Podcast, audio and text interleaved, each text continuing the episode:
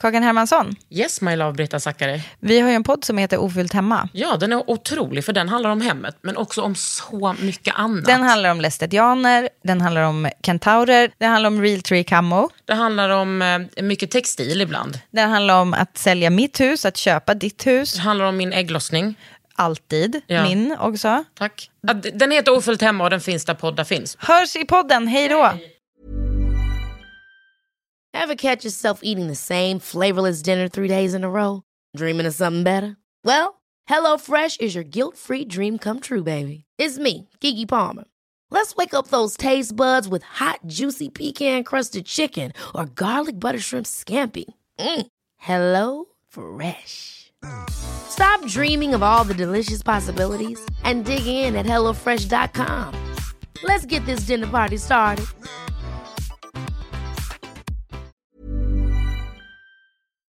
Linda Segtan som är dagens gäst, hon är liksom inte bara historiker och intresserad av feminism och beauty. Nej, nej, nej. Hon har liksom tagit ihop det här till ett intresse och forskar om beautynormer som liksom är ett maktmedel. Ja, det är inte mer med det. Hon är här idag med sin enorma kunskap och berättar för oss om hur det har sett ut i historien och i dagens samhälle. Väl mött. Det här är en podd från L. Under huden.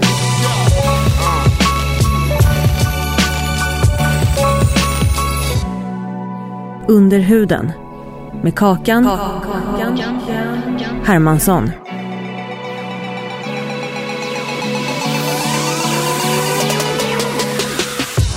Linda Säcknan.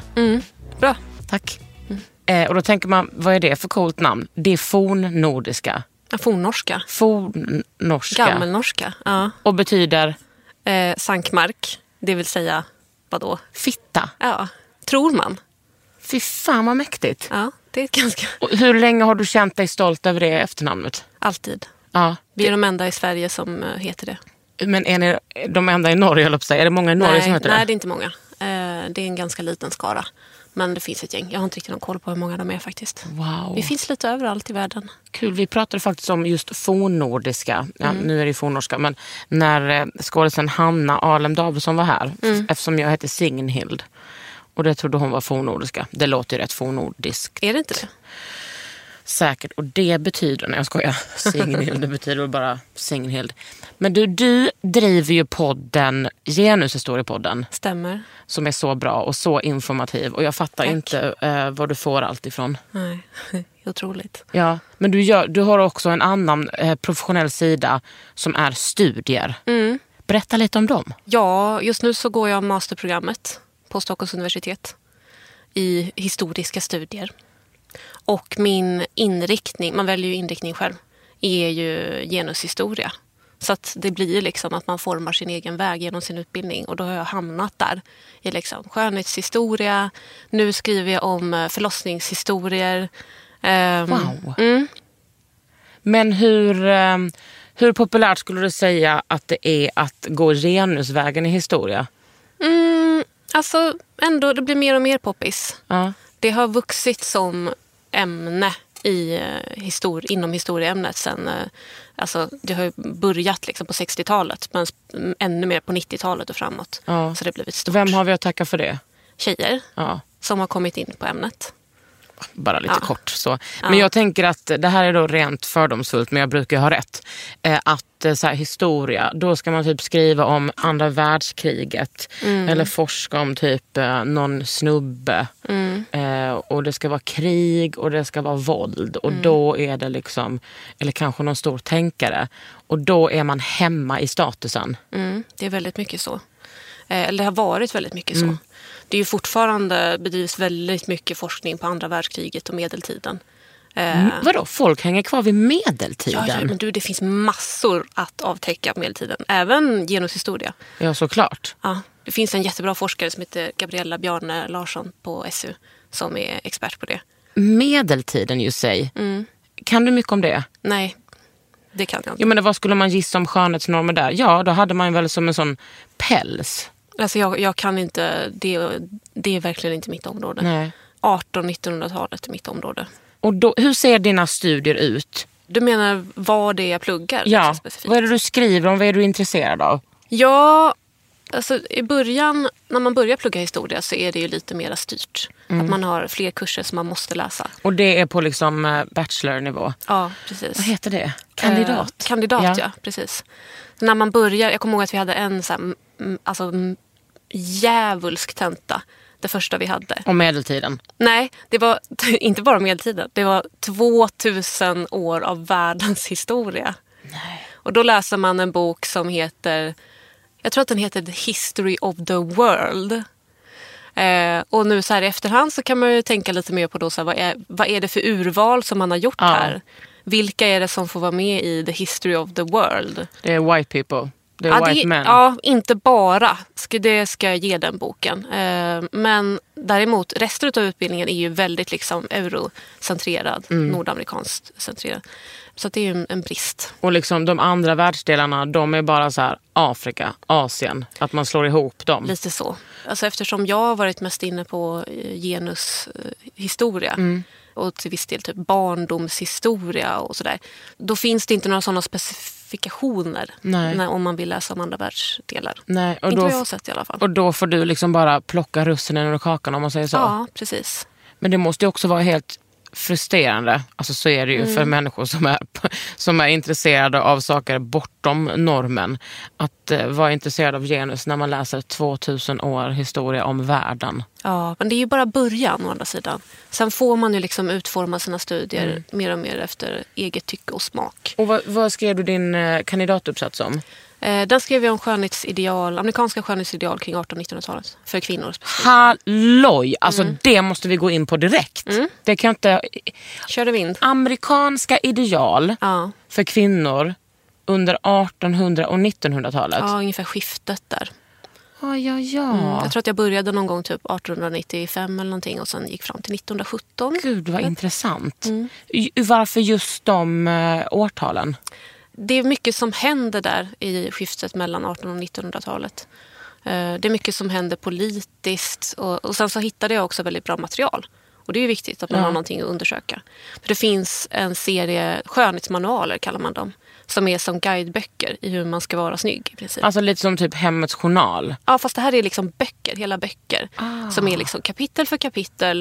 Eh, så här får du fint hår, så här ska ditt ansikte se ut och så här ska du göra för att det ska se ut så. Kanske egna recept på krämer och så vidare. Och handlar det här mycket om att så här, så här ska det se ut för din man? Mm, Ja, det är inte... Ja, det, lite grann. Eller är det liksom under... eh, Jag skulle inte förstått. säga att det är liksom rent av underförstått. Men däremot, alltså det som jag ville undersöka här var ju vad är skönhetsideal och vilka är det som, hur skapas de och varför? Typ. Vad är det som driver på utvecklingen av skönhetsideal? Eh, och det här är ju en sorts, um, alltså en sorts inst- maktinstitution. För att skönhetsideal handlar alltså nästan bara om makt. Makt och behov. Att från kunna kontrollera. Grupper. Ja. Så att det här är ju ett medel för, eh, för den, offen- och den offentliga makten som ju är män i stort sett vid den här tiden. Att kontrollera eh, sin befolkning. Mm. Så kan man säga. Oj, ja, Mm. det lät ju inte kul. Nej. Du, va, men liksom, vad, kan du berätta några saker som du kom fram till? Hur fan Ja. skulle man se ut? Mm, Men Om jag ehm, bara fråga en sak. Riktar det här sig bara till vita kvinnor? Jajamän. Mm. Jajebums. Eh, mycket uttryckligen. Jajemus. Mm. Det är vita medelklasskvinnor som det här riktar sig till. För det är de som får tillgång till eh, de här böckerna kan jag tänka mig. Mm. Men det är väl också de som, jag menar arbetarkvinnor, de har väl kanske inte riktigt tid eller eh, råd att Nej. eh, uppfylla de där normerna. Nej, jag skulle, nog, jag skulle säga att de riktar sig till medelklasskvinnor. Skulle jag, göra. jag jämförde det här med artiklar och bilder och sådär från skönhetstävlingar vid tiden. För att det är väldigt intressant tycker jag att det är två stycken lite olika ideal som de här formulerar. De här böckerna, där är det väldigt tydligt liksom, genom hela den här perioden att det är ett lite runt, vitt ansikte, rosiga kinder. Va? Där är ju jag hemma! ja, det, var, det är då jag skulle levt, 1895. Mm, jag känner lite samma. Ja, Det hade varit super, super poppis. ja. Men, och sen så är det ju väldigt liksom... Det finns olika vägar att nå fram till det här perfekta utseendet. Eh, ansiktsdragen skulle vara små och nätta. Och det kan man ju se liksom postkolonisation. Att Mm. eh, vita kolonisatörer bland annat och har formulerat ett ideal som går ut på att skilja sig från den andra. Mm, från slavarna. de svarta. Mm. Eh, Och immigranterna som kommer till USA i, i stora grupper. Ja, för då knackar ju liksom Europa på dörren Ja, av fattigdom. det gör de.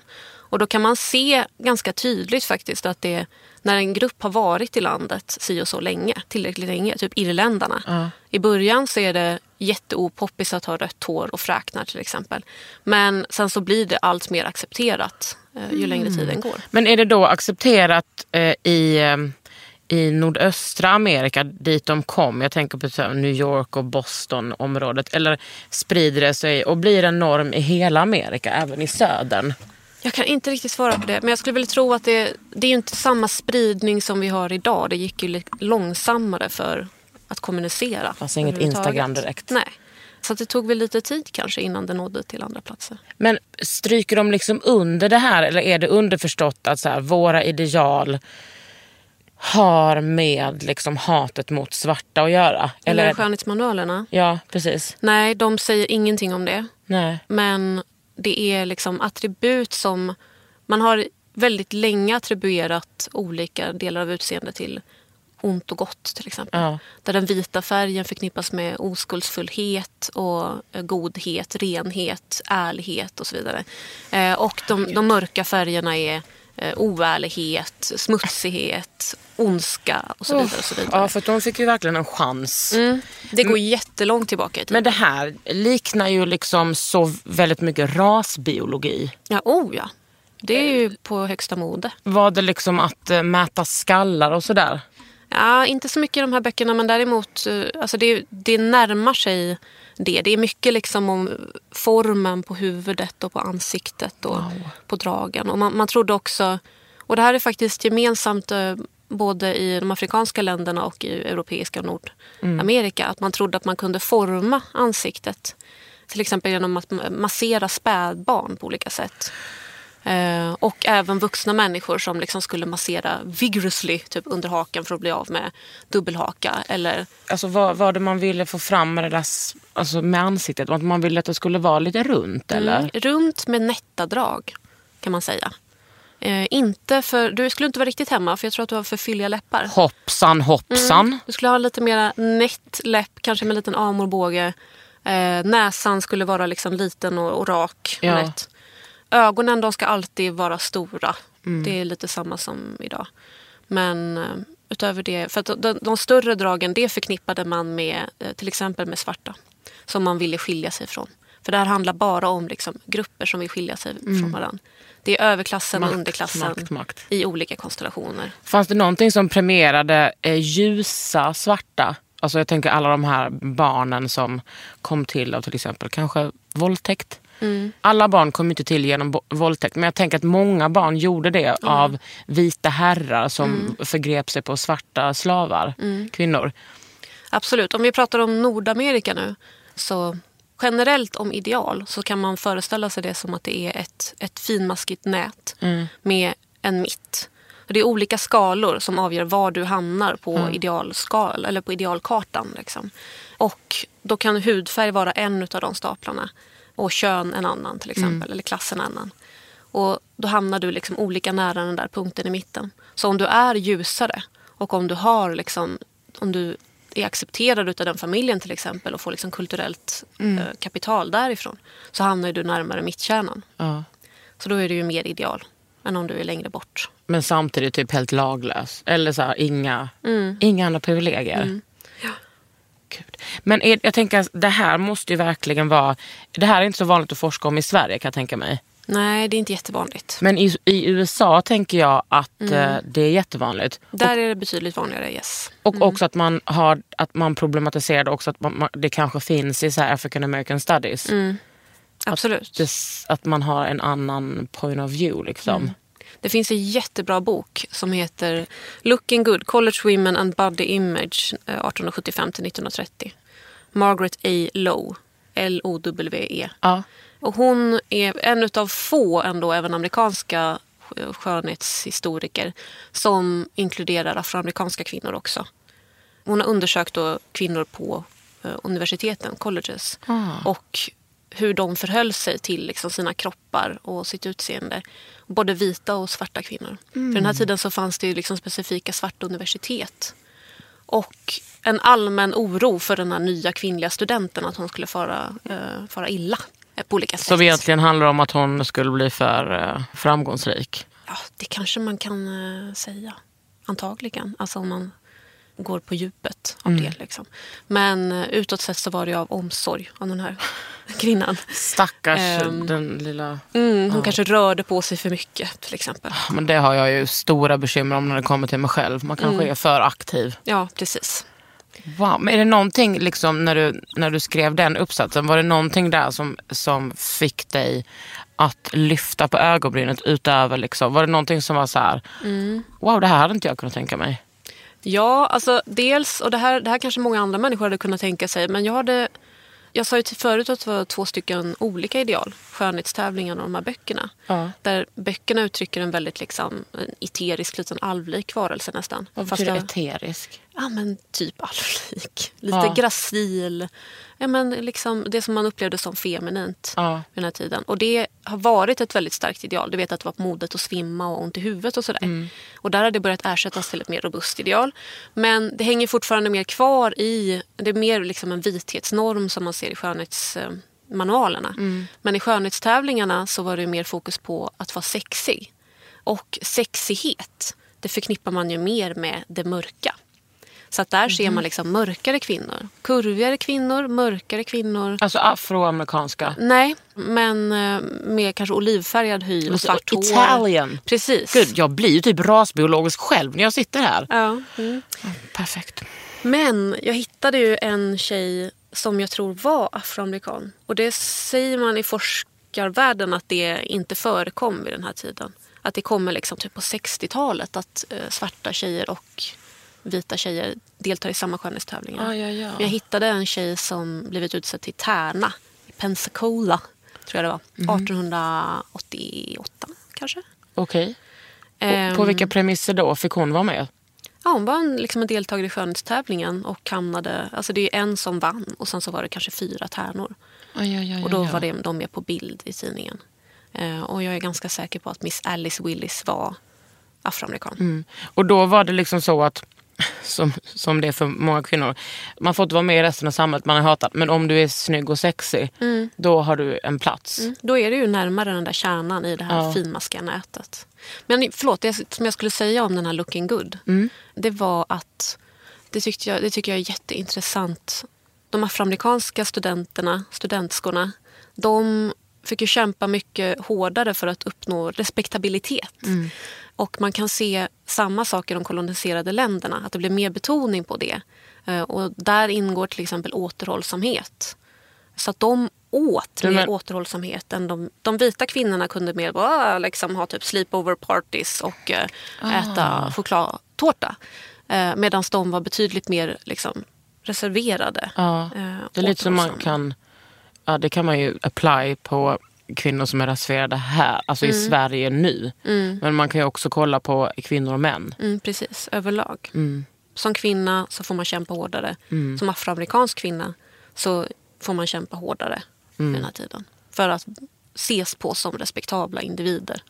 Ja. Och inte liksom sexiga vildar. Men eh, eh, i din forskning, tittade du någonting på hur de här normerna påverkade afroamerikanska kvinnor? Nej, i mitt material så kan man inte se det. Nej. Man kan heller inte se hur det påverkade vita kvinnor. eh, Nej, direkt, utan det bara är liksom Så här är en... normerna, punkt slut. Ja, det, jag kunde bara liksom titta på den här maktinstitutionen Mm. och vad det är de uttryckte. Och sen försökte jag se, genom att kolla på skönhetstävlingarna, om det liksom gav genklang i resten av, på resten av skönhetsidealen. Men jag kan inte se liksom direkt hur det påverkade. Men Men, det är klart att alltså, afri- afroamerikanska kvinnor är ju betydligt mer påverkade av vithetsnormen än vad kvinnor i de afrikanska länderna Mm. Ja. var. Även postkolonisation. Liksom. Under huden. med Kakan Hermansson. Many of us have those stubborn pounds that seem impossible to lose, no matter how good we eat or how hard we work out. My solution is PlushCare. PlushCare is a leading telehealth provider with doctors who are there for you day and night to partner with you in your weight loss journey. They can prescribe FDA-approved weight loss medications like Wagovi and Zepbound for those who qualify. Plus, they accept most insurance plans. To get started, visit plushcare.com slash weight loss. That's plushcare.com slash weight loss. Hey, it's Ryan Reynolds, and I'm here with Keith, co star of my upcoming film, If, only in theaters, May 17th. Do you want to tell people the big news? All right, I'll do it. Sign up now and you'll get unlimited for $15 a month in six months of Paramount Plus Essential Plan on us. Mintmobile.com slash switch. Upfront payment of $45 equivalent to $15 per month. Unlimited over 40 gigabytes per month. Face lower speeds. Videos at 480p. Active Mint customers by 531.24 get six months of Paramount Plus Essential Plan. Auto renews after six months. Offer ends May 31st, 2024. Separate Paramount Plus registration required. Terms and conditions apply if rated PG.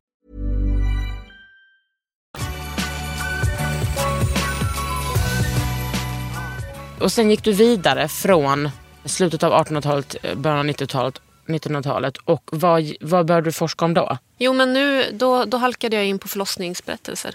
Nu är jag, jag är väldigt inne på liksom berättande och eh, muntligt berättande och folks minnen och sånt där. Ah. För det, det är ju ett sätt att komma åt de som inte syns i officiell historieskrivning.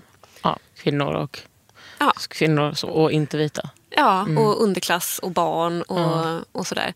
Så att, ja, det, det är liksom fortfarande ett stort hål i historieforskningen att eh, titta på just hur det upplevs att vara gravid och att föda barn. Fastän det är en sån liksom monumental upplevelse för de som gör det Ja. många gånger. Och eftersom det då inte finns liksom från, eh, jag tittar nu på typ 30 till 60-tal I vilket land då? i Sverige. Ja. Eh, och då finns det ju inte någonting som direkt berättar hur det var för dem då. Utan då får man titta på liksom vad folk säger om dem. Typ i böcker på så här, hur du ska vara som gravid eller förlossningsjournaler och sådär. Men det finns eh, på folkminnesarkiven som vi har i Sverige, de är fantastiska, så finns det insamlade berättelser från äldre kvinnor som har blivit tillfrågade i början på 90-talet. Åh, Gud vad starkt. Mm, det är, alltså, man sitter och grinar. Ah. Vi har ju några avsnitt på det temat Ah. i vår podd. Eh, och det är ju absolut de som är mest uppmärksammade som folk skriver i liksom, fina mejl till oss om hur mycket de sitter och grinar på tunnelbanan när de lyssnar på det. Så det, är, det är starkt ja. Mm. Wow. Men det är ju som men den historien som aldrig har blivit nedtecknad eller uppmärksammad är ju liksom en historia som inom citationstecken inte finns. Alltså så är ju verkligen den lesbiska historien. Att det är liksom den har omskrivits av, av män som har varit eh, rädda för lesbiska typ. Eller avskytt det eller äcklats av det. Därför är det så viktigt nu tycker jag att man skriver en ny historia. Skriver, skriver, skriver. Det är därför vi behöver fler olika sorters människor till historieämnet. Mm. Alltså, man skriver ju ofta, vare sig man vill eller inte, mycket utifrån sig själv. Mm. Så är det ju.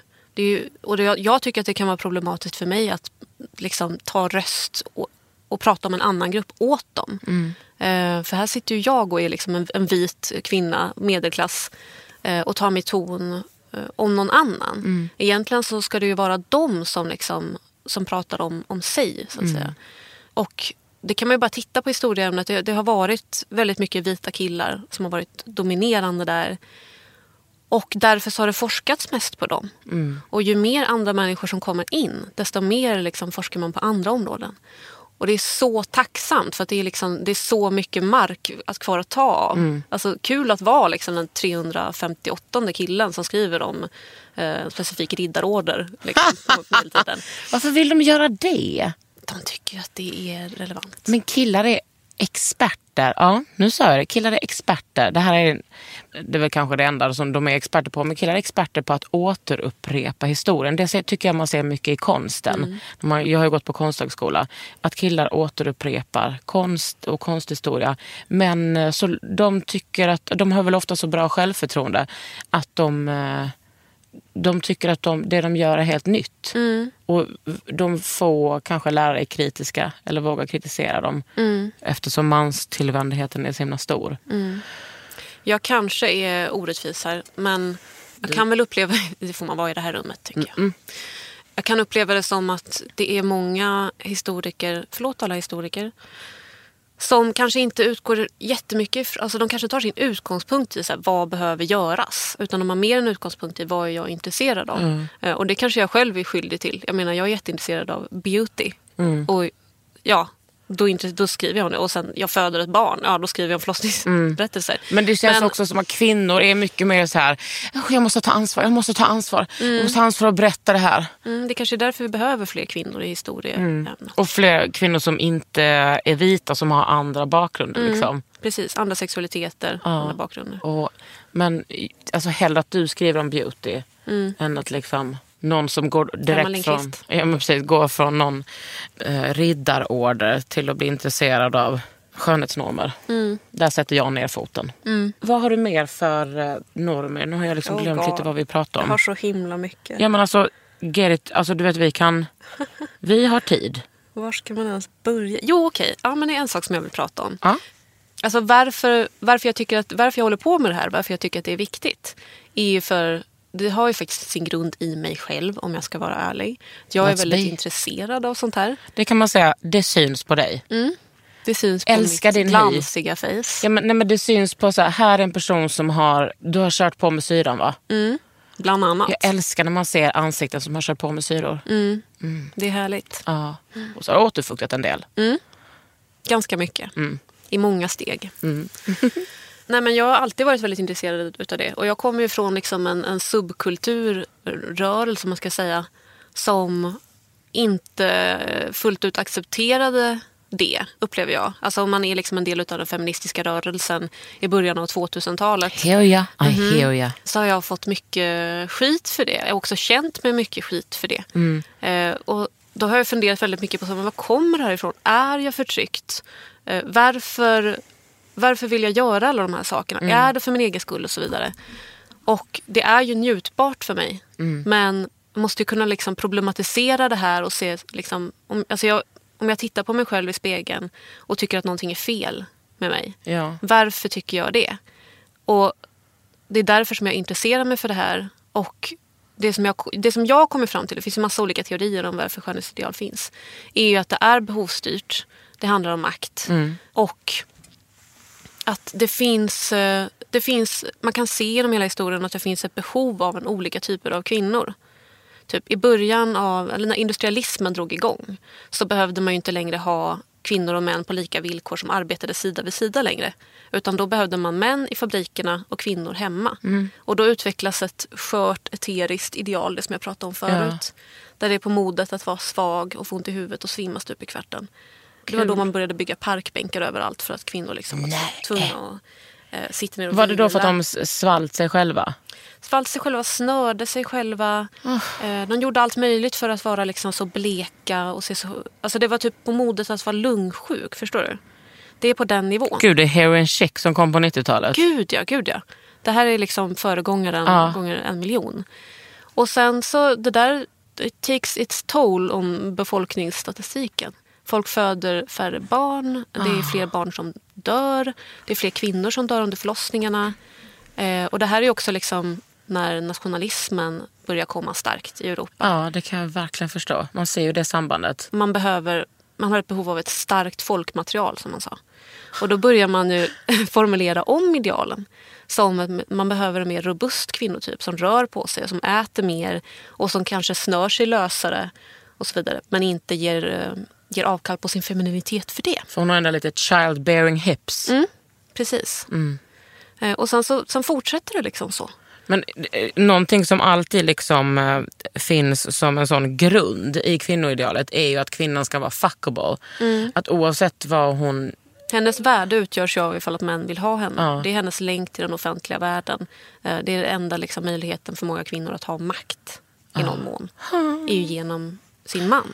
Åh gud, fan vad jag ligger dåligt till på, 90, på industri. Jag ligger dåligt till jämt känner jag. Förutom en gång när jag var i Västsahara. Där har jag aldrig varit så mycket norm. Då skulle man vara blek och tjock. Alltså, Perfekt. det var, kvinnorna hatade mig, männen älskade mig. Det var verkligen liksom två riktigt sjuka veckor. Eh, På, också på grund av allt annat för att jag var i ett flyktingläger och jobbade. Men Det var, that was weird. Mm. Men det var verkligen, jag bara, gud vad de kollar på mig. Du vet när vi hade möten eller liksom var och besökte så här, små, små fabriker eller affärsverksamheter. Då var det som att man, jag än kollade så stod så män med så öppen mun och kollade på mig. Sjukt. Ja, men det var Mm. Eller bara- inte sjukt, jag menar jag tittar på dig nu. Och jag, Ja, men jag menar, det var två veckor av mitt 36-åriga liv, eller Mm. 34-åriga liv då. Så det var ändå helt okej att få Mm. uppleva det. Det kan man eh, tydligen se. Jag hittade, det finns ju, alltså skönhetshistoria finns som ämne eh, i, eh, på olika universitet i de afrikanska länderna. Eh, det är inte jättestort. Men det var en artikel som jag läste som var superintressant. Där han skriver, det är en han faktiskt. Hoppsan. Han skriver att alltså en gemensam nämnare. Det, här, alltså man, det är svårt att generalisera. Det är ju det liksom att prata om liksom, europeiska skönhetsideal. finns ju jättemånga olika. Och afrikanska skönhetsideal finns ju jättemånga olika. Såklart. Det hoppas jag att ni alla fattar. Men att det finns någon sorts gemensam nämnare ändå. Eh, och här så kan man se att det är väldigt mycket liksom, de olika länderna. Att det, det finns en, en skala mellan till exempel svart och vit. Eller tjock och smal. Och att idealet nästan alltid är liksom mitten. Man ska inte vara för mycket utav allt. Och ifall att det är då en grupp där det är, som är generellt sett ljusare så hamnar den liksom mittpunkten åt det ljusare. Förstår du? Eh, om det är en grupp som är mörkare så hamnar den liksom mer åt det mörka. Ja, Det tyckte jag var intressant. Jag undrar för att det stämmer här också. det tror jag. Jag, ja, ja, eller gör det det? Är det verkligen mitten som är... Jag tror inte det. Ah, nej, mitten är det ju inte. Men Nej. att man drar, eh, nej, här ska vi vara vita. Och sen så kan man ju alltid... ah, Och liksom, mycket, alltså att det så här, eh, idag i alla fall, liksom, stora läppar, Ja. stor rumpa. Och om man tittar på liksom viktmässigt så är vi absolut inte på mitten. Alltså, Nej, man ska... det är ju inte den normalaste storleken som är... Nej. Jag vet inte för att det var så han menade, men jag tyckte att det var en intressant tanke i alla fall. Alltså genomsnittliga kvinnan i Sverige är ju 42-44. Mm. Där är vi ju inte och nosar om man säger så. Nej. När man pratar norm. Precis. Men det är också så himla, alltså, det är så tydligt liksom när det kommer till klass och vad som är vad som är normen. För det, alltså det är ju bara att gå runt i Stockholm. Alltså här på Östermalm, där jag sitter och jobbar på L. Där är, vi pratade om det igår, jag och en kollega. Det är liksom så stor skillnad här. Framförallt så ser man väldigt många äldre kvinnor som är så jävla magra. Sen kan inte jag apply ätstörningar på dem. Eller? Men att det är så här, ju högre upp i, i klass vi kommer, desto starkare är könsrollerna. Jag tänker liksom på att så här, hur många så här arbetarklasskvinnor som alltså jag pratar med mina lesbiska kompisar om, hur många arbetarklasskvinnor som helst hade pa- kunnat passera som flator. Inte alla såklart, självklart inte. Men att det är liksom tydligare. Att, och också att det handlar om någon sån, även om överklasskvinnor såklart nu krävs att vara aktiva. Så tänker jag ändå att det finns en passivitet i överklasskvinnor. Alltså både och skulle jag säga. För att man kan också se i historien att det är överklasskvinnor som har haft störst utrymme att utmana normer. Eh, Det kan vara på båda de sätten. Liksom. Ja. Det kan dels finnas den här jättestarka eh, förväntan. Ja. Jättestark förväntan på kvinnor att gifta sig ung till exempel. Som inte fanns i arbetarklassen. Men det kunde också finnas utrymme att utmana könsnormer. För att du hade liksom kapitalet till det. Du hade de tillgångarna. Att du är, du är inte lika beroende. Nej. Så att man ser ju fler, alltså i början på 1900-talet och mitten på 1900-talet så ser man ju fler överklasskvinnor som går liksom vägen ut och blir trans. Eh, och börjar klä sig i manskläder. Än underklasskvinnor. Ja. För att de, det, är, det är mycket större uppoffring för dem. Ja. De har ju liksom bara sin kvinnlighet att förhandla med så att säga. Och de kan mm, komma hem till sina fonder och sin våning. Och nu menar inte jag att transmän skulle experimentera. Men att det ändå, det tycker jag passar väldigt bra överens med om man kollar på hur så här, hbtq-världen ser ut också. Att överklassen har alltid kunnat liksom experimentera på ett annat sätt. Alltså alla pratar om att till exempel så Israel ett sånt hbtq-paradis. Jaha, v- för vem är det det? Alltså det är ju inte för underklassen eller liksom eh, så här, fattiga palestinier. Utan det är ju de som har egna rum som alltid eh, får lov. Det är ett att jätteprivilegium utmana. att vara, liksom, få vara sig själv och uttrycka sig Ja. själv fullt ut. Det är få förunnat Ja, fortfarande. ja, verkligen. Jag börjar på en jättespännande ny kurs och var på min första föreläsning igår. Den handlar om liksom, genusperspektiv på visuell kultur, på konst och sådär. Wow. Jättespännande. Är det på Ehm, SU? Mm. Och då pratade Jessica Skrubbe. Starkt namn. Riktigt bra. Hon pratade då om um, i början på 2000-talet, typ mellan 2003 och 2007 2009 eller någonting sånt tror jag det var. Så började det, då kom det liksom en våg av ny, stora eh, konstutställningar. Som, att feminismen kom liksom i ropet. Det skulle vara liksom stora feministiska eh, konstutställningar över he, alltså stora delar av världen. Där man eh, till exempel sam, alltså att man tog upp eh, konst som man redan hade i källaren i sina samlingar och ställde ut dem. Och så var det här jättepopulärt. Alltså, och då, då gjorde man ju misstaget att man, defin, alltså man, man såg inte skillnaden mellan kvinn, kvinnor som gör konst och feministisk konst. Det där tycker jag är liksom det är också en sån jävla härskarteknik Mm. gentemot publiken. För det tycker jag ofta eh, vi upplever liksom att ja, men, intendenter eller kuratorer väljer kvinnor och sen så är det som att de klappar bara klart och betart. Nu har vi, Exakt. nu har vi gjort, nu har vi så här bockat av de feministiska. Bara, den här kvinnan håller inte alls på med feministisk konst. Mm. Det var om hon precis den poängen som hon gjorde. det. Ja. är smartkakan. Ja, ja. Mm. Gud, men jag är ju också konstnär. Men jag kommer ihåg, alltså 2009 tog jag ju min bachelor Mm. och gjorde själv ett arbete om, alltså jag håller på med politisk keramik. Du kan Mm. ju förstå vilka enorma mängder pengar det är det. Nej, men då gjorde jag ju ett, ett eh, arbete om hatbrott mot lesbiska och transpersoner Mm. i Stockholm versus San Francisco. Och fick jättefina lovord från min professor. Och bara, det, alltså, det är så ovanligt med den här konsten men du är verkligen groundbreaking. Sen fortsatte jag såklart med, på samma tema eh, alltså när jag gjorde min master. Och det var 2012. Då kändes det som att, att den feministiska konsten, i alla fall på Konstfack eller konsthögskolorna just då, var lite mer etablerad. Det var inte så bergsprängande liksom. Utan det var etablerat. Sen så säger det egentligen ingenting om samhället. För folk bryr sig inte så mycket om feminismen ändå. Men, Eller folk bryr sig inte om de historierna. Jag gjorde historier om så här, estetiska värderingar och sexuella övergrepp. Och femininitet som lågstatus. Och det är ingen som bryr sig om det. Alltså folk bryr sig liksom inte om um, framförallt då kvinnors sexuella övergreppshistorier. Eftersom det reduceras till lögn eller överdrift. Eftersom det är män som står anklagade. Liksom. Det kan vi bara se på... Alldeles för hög grad så är det ju så. Ja. Hon pratade om att det, alltså det, det kom en liksom växande oro. Först var folk så här, ah, men gud vad kul, vilket bra initiativ. Eh, äntligen händer det. Men att man sen såg det kanske, det här kanske snarare är kulmen av den här postfeminismen. De här, Att man pratar om att feminismen inte behövs längre. Att vi är klara nu. Och att det här är som ett så här, ja men precis som du sa, så, klart liksom. Ja. Klart och betart. Och makten bestämmer att vad som är feminism. Och Liksom. sen hamnar det nere i källaren igen. ja. Sen stänger man in den där konsten igen. Men jag kommer ju också från en så feministisk eh, rörelse som subkultur.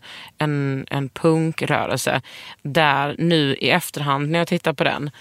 Som var liksom, inte i sig, men rent normmässigt väldigt så här kvinnohatande på det sättet att så här, femininitet var så himla fult. Hur gick du vidare från en sån kultur till att ändå liksom omfamna det intresset till att ha den där huden du har idag?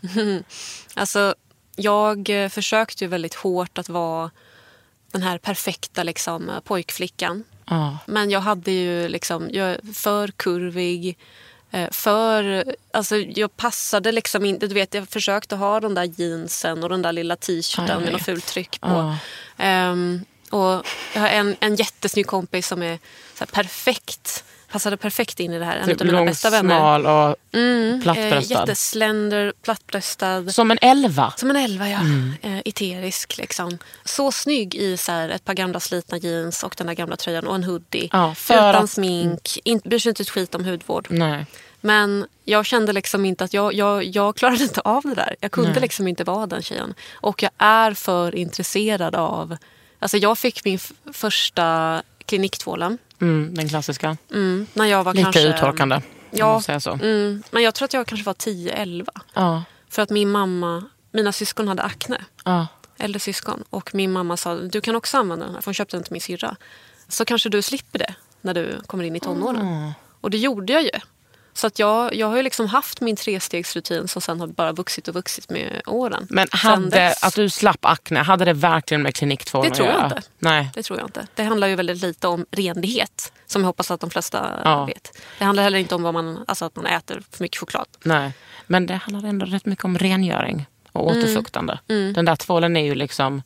Och det, framförallt det där ansiktsvattnet. Mm. Jag tror att det har producerat eh, mer finnar i mitt ansikte än någonting annat. Säkert.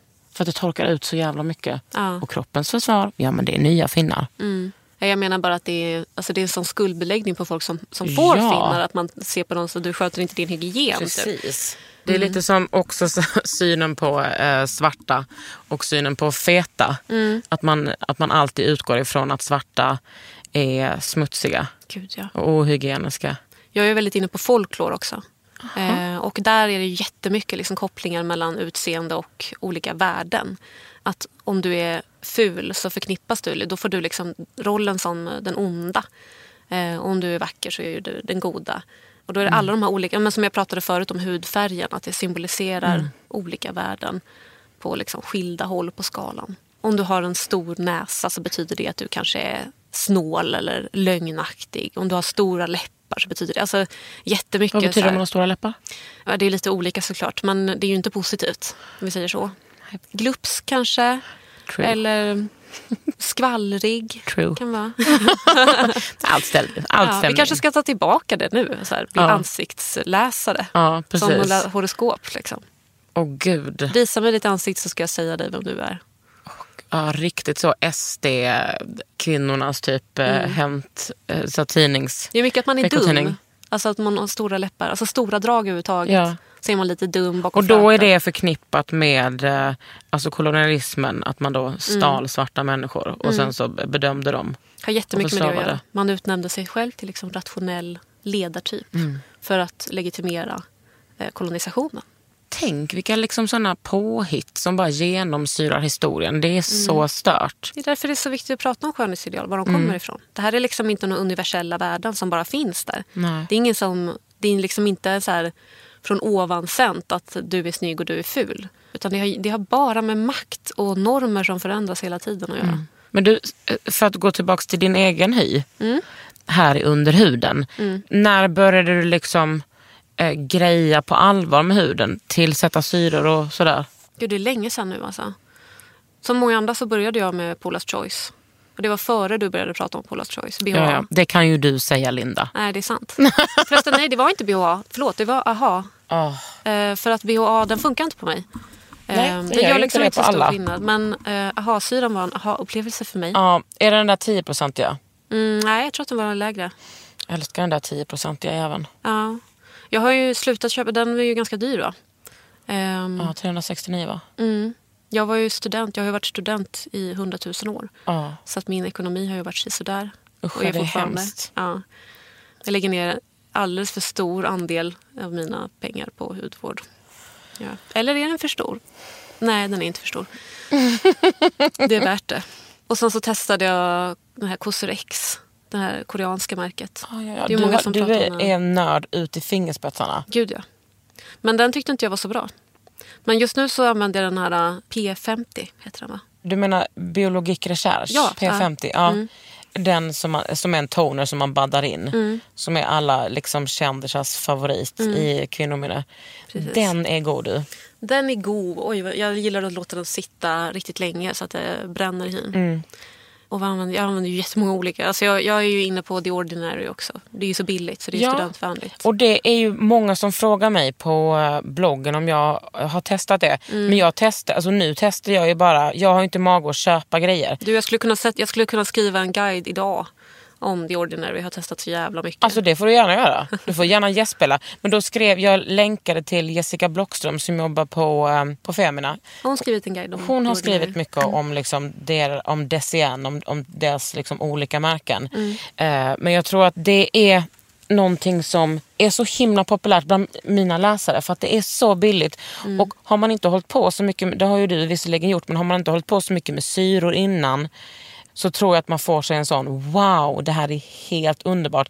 Som när jag hade mitt första serum från typ eh, MD Formulations som hade lite AHA i. Och jag bara, vad är det som har hänt med mitt ansikte? Så fort man bara slipar ner pyttelite så blir det så enormt stor skillnad. Men de har, väl, de har ju allting. va? De har ju AHA, BHA, hyaluronsyra, retinol. Jag tänkte börja med retinolen nu till hösten. Den Är det det där perfekta ansiktet? Ja, det kan alltid göras mer. Ja, jag vet, jag ska inte säga någonting. Men den där retinolen som man kan köpa från The Ordinary. Transporterar de den till Sverige med högre procenthalt? kommer inte ihåg vad det är för procent som jag har hemma. För det är ju Ehm, men det är ju den, alltså jag, jag köpte den starkaste som finns på hemsidan. Liksom. Har du gått igenom någon retinolkur innan? Nej, men jag har, jo, men jag har faktiskt jag har börjat med den här. Jag började med den på vintern. Mm. Och eh, förväntade mig att jag skulle börja fjälla och alltihopa. Men det hände ju ingenting. Det var Nej. noll fjällning.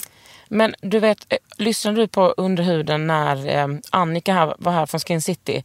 Hon sa ju det där tipset att man inte skulle återfukta för mycket och det går ju emot allting man någonsin har lärt sig. Just för att det skulle fjälla. Mm, jag har svårt för det alltså. Det har jag svårt för. Men om du då gillar AHA, då kan du ju preppa med AHA först. Kan och jag sen, verkligen det? Jajebus. Okej. Och sen retinolen på. Jag trodde att jag skulle skilja dem åt. Nej, nej, nej, nej, nej, nej. Och det Caroline Hirons är väldigt rolig när det kommer till det. Hon bara sluta. Älskar henne. Jag, jag träffade ju henne häromdagen. Ja, jag såg det oj, någonstans på Instagram oj, kanske. ja. Ja, åh. Nej men då var ju, alltså hon var så här, hon bara men sluta vad är det folk håller på med? Man kan blanda syror. Mm. Man kan ha det på sommaren, man kan ha det på morgonen. Jag bara okej, du vet vågar inte säga emot henne. Men då, jag har skrivit en liten guide om det där för det var någon som frågade på bloggen. Mm. Det är så bra när, när de här frågorna kommer in. Alltså jag kan ju inte allting eh, som alla mycket. frågar. Ja men jag lär ju mig så mycket för att jag måste svara på de här frågorna. Mm. Men jag får ju liksom hur många frågor som helst varje dag. Jag kan ju tyvärr inte svara på alla. Mm. Men just det där med att blanda, jo men grunda AHA och sen på med retinolen. Okej. Då, har vi ett, då har du som ett litet kemiskåp i ansiktet och det vet jag att du gillar. Mm. Det ska jag testa. Mm. Nu när vi var i Budapest så det fanns en lokal där som hade liksom olika pop-up butiker. Mm. Så att det var olika grejer som såldes där, eh, olika perioder. Och när jag kom dit så var det liksom bara hudvård eh, i typ en månad. Och jag var där kanske tio gånger. Och då var ju det liksom hudvård från eh, hela, hela världen höll jag på att säga. Det var det ju inte från Europa. Men sen så byttes det ut för det som gick bäst där det var K-beauty. De koreanska ja, ja, ja. grejerna. Så att hon tjejen som, som hade det eh, fick komma tillbaka efter Ah. det och bara ha liksom K-beauty där. Mycket sheet masks och essence Ja, typ. alltså jävlar vad jag... Jag köpte... Jag blev jättekär i Vamisa. Har du provat Vamisa? Nej. Fantastiskt. Alltså jättemycket fermenterade ingredienser. Mycket bra doft. Vad sa du? En bra doft eller? Bra doft? Nej men att det luktar lite som Nej, det doftar, det doftar Nej. inte liksom För Lotion jäst. P50 från Biologi Recherche. Ja. Det känns ju som att det är så här jäst som är fermenterad. Luktar. Ja. Nej, det här Bak. Mm. luktar inte... Det luktar gott. Det luktar inte så mycket liksom. Så de grejerna älskar jag. Och sen så köpte jag Blight. Jag vet inte riktigt hur man ska uttala det. De har ju så här fasta serum. Och det är en som är liksom med fermenterad svamp. Som är Mm. magisk. Alltså det är den bästa återfuktningen jag har upplevt. Det är som en sheetmask varje kväll. Bara det. Skulle du vilja liksom, tipsa om det här så kan jag lägga ut det på bloggen samtidigt som jag Absolut. Launchar ditt avsnitt. Och då blir det boktips också, det vet ni. det, blir det, blir det. absolut. Absolut. Du, alltså, tack för att du kom hit. Tack för att jag fick komma. Fy Vilken ära. Fan, ja, men alltså, en ära att ha det här. Alltså din, eh, din kunskap. Ja, Mm. Vi hade ju kunnat hålla på i tio timmar till. Man kanske kan läsa dina uppsatser någonstans. Ja, vänta nu. Det finns de upplagda? Jag vet inte. I så fall så finns de ju på Diva som är sån... eh, Ja. Eh. Ja, det, är ett, det är liksom en sammanslagen för alla universitet där man kan lämna in sin uppsats. precis. Jag är faktiskt inte säker på att min finns upplagd där. Men eh, den som är intresserad kan ju höra av sig så ska jag skicka den. Precis. Ja, Gladeligen. det tycker jag låter bra. Mm. Ja, du har lyssnat på Under huden med mig, Kakan Hermansson och Linda Sektman. Under huden med Kakan Hermansson. En podd från L.